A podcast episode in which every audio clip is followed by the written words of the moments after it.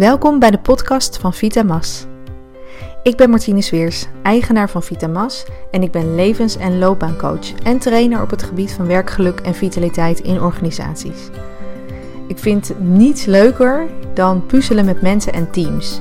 En ik lees en leer voortdurend bij over wat mensen beweegt, hoe je jezelf kunt ontwikkelen, ehm, zowel in het leven op persoonlijk gebied, maar ook in werk en in je loopbaan.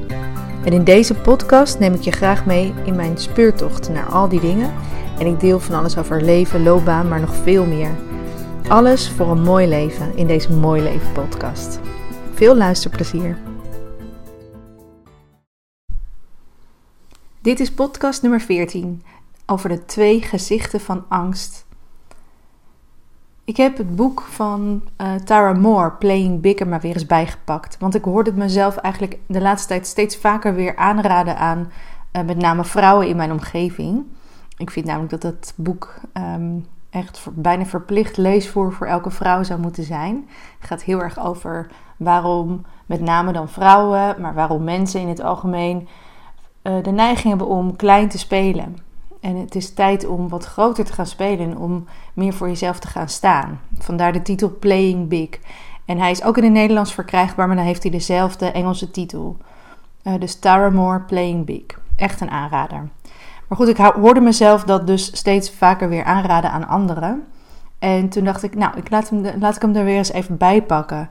En um, toen dook ik weer even in het onderwerp wat over angst uh, gaat. En dat is echt enorm interessant. Dus ik dacht, nou, daar ga ik een podcast aan wijden om weer even stil te staan bij die twee gezichten uh, die zij zo mooi omschrijft uh, van angst. Want het onderscheid uh, gaat je echt heel erg helpen als je angst voelt. Ik ga het je uitleggen. De eerste vorm van angst is er eentje die we allemaal wel kennen. Dus je maakt je bijvoorbeeld heel veel zorgen dat een vliegtuig gaat neerstorten waar je in zit. Of misschien gaat je dochter voor het eerst alleen naar school fietsen en uh, denk je, oh, als dat maar goed gaat. Uh, of van vroeger, toen je kind was, of van je eigen kinderen, um, het monster onder het bed.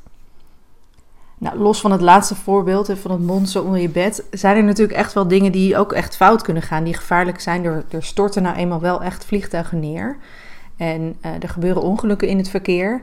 Maar over het algemeen gaat het goed. En um, is deze angst, deze angst omdat je echt iets overkomt, is voor, de voor het grootste gedeelte is het vooral je zorgen maken over dingen.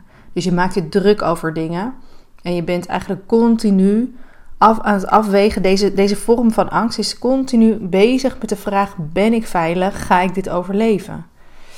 En dit stukje van je angst, van je brein, maakt enorme overuren. Want hij komt ook naar voren als je een speech moet houden voor 100 man. Um, of dus als je je kind uh, alleen naar school uh, gaat laten fietsen. Je maakt je druk om dingen die zouden kunnen gebeuren. Alleen in heel veel gevallen ben je niet in gevaar. En ik merkte bij mezelf toen ik daarover na ging denken, merkte ik ook wel een soort van um, vals gevoel van controle wat deze vorm van angst mij geeft. Dus eigenlijk de illusie van controle. Bijvoorbeeld, ik, ik ben geen fan van vliegen, maar ik heb wel heel veel gevlogen. En um, gewoon het, het feit dat ik rekening hou met uh, het idee dat het misschien mis kan gaan, voelt alsof ik er een soort van controle over heb. Zo van als het vliegtuig neerstort, dan, uh, nou ja, dan heb ik er in ieder geval rekening mee gehouden. Dus ik ben in ieder geval niet verrast. Zo'n soort rare kronkel zit er dan in mijn gedachten. En het is eigenlijk een illusie van controle die je natuurlijk eigenlijk gewoon even niet hebt. Maar dus dat is een rare kronkel die in je gedachten kan zitten. Dit had ik dan met vliegen. Maar we hebben heel vaak dat we ons zorgen maken over dingen waar we en of ja, eigenlijk geen controle over hebben. En die eigenlijk nou ja, 99,9% van de tijd gewoon helemaal niet gevaarlijk zijn. Dus er zit, natuurlijk moet je altijd afwegen of je veilig bent, hè, dat is logisch. Um, maar meestal maak je je vooral zorgen. En je kan je afvragen of dat wel echt nodig is. Dus deze vorm van angst die kenmerkt zich dus ook heel erg um, over een negatief uh, wereldbeeld. Of het, kenmerkt zich dus als een negatief wereldbeeld. Een uh, zorgen maken over dingen die allemaal mis kunnen gaan. Dat is echt dit stukje van de angst. De tweede vorm van angst die zij omschrijft, dat is een andere vorm van ehm, angst, want die raakt namelijk aan een diep verlangen in jezelf. En uh, een beter woord eigenlijk voor dit type angst is um, iets spannend vinden. Dus je vindt iets spannend om te doen. Er zit spanning omheen. Maar bijvoorbeeld als je een belangrijke wedstrijd speelt in een sport waarin je een niveau hoger wilt komen, dan voel je ook spanning. Maar je, ehm, ja, dus je bent wel bang dat het misgaat. Hè? We gebruiken vaak wel de woorden van angst. Maar eigenlijk is het spanning omdat het belangrijk voor je is. En dat is net zo goed als je solliciteert naar een baan die je heel graag wilt. Ook daar voel je spanning voor. En natuurlijk voel je ook spanning voor het voeren van een gesprek, want je wil niet dat het misgaat of dat je voor gek staat. Hè? Dat soort zorgen komen dan weer naar boven. Maar je vindt het ook zo belangrijk omdat je die baan graag wil. Dus het raakt heel erg aan iets wat je graag wil. En dat is de, het onderscheid wat ze eigenlijk heel duidelijk maakt tussen die twee soorten angst. Dus deze tweede vorm van angst is eigenlijk meer spanning omdat het belangrijk voor je is. Deze spanning wil je dus eigenlijk juist opzoeken. En niet zozeer omdat uh, die spanning goed is, maar omdat je wel, als je die gaat herkennen, dan weet je dus wel heel goed wat is belangrijk. Ik ben met iets belangrijks bezig. Het, het geeft betekenis aan mijn leven. Uh, of misschien gewoon heel veel meer plezier en vervulling. Deze angst duidt dingen aan die je, in je, leven, die je leven gaan verrijken. En dat is natuurlijk een wezenlijk verschil met de angst waarin je je vooral zorgen maakt over dingen die misschien zouden kunnen gebeuren, nietwaar? Dus dat is echt een belangrijk onderscheid. Ga nou eens ook letten op de taal die je gebruikt voor dingen die eigenlijk niet zozeer angstig zijn, maar die heel erg spannend zijn en die je eigenlijk heel graag zou willen. Dus dat is een belangrijk onderscheid. Nou, hoe ga je nou om met die verschillende soorten angst? In die eerste, dan um, gaat het dus echt om het zorgen maken. Stel jezelf dan die vragen van Byron Katie nog eens. Is het waar? Weet ik zeker dat het waar is? Wie was ik als ik deze gedachte niet zou geloven? Dus bijvoorbeeld met het vliegtuig. Is het waar dat, deze, uh, dat dit vliegtuig gaat neerstorten? Uh, nou, uh, nee, of ik weet het in ieder geval niet zeker. Nou, en dan is de volgende vraag: weet je zeker dat het waar is? Nee, ik weet dus niet zeker dat, het, dat deze gedachte waar is. Oké, en wie zou ik zijn als ik die gedachte niet zou geloven? Nou, ik zou in ieder geval een stuk rustiger zitten in deze stoel, in dat vliegtuig. Dus ik zou een rustiger persoon zijn, een relaxter persoon enzovoort. Dus dat zijn altijd goede vragen om te stellen, om die ik maak me zorgen, angst uh, een beetje te temperen.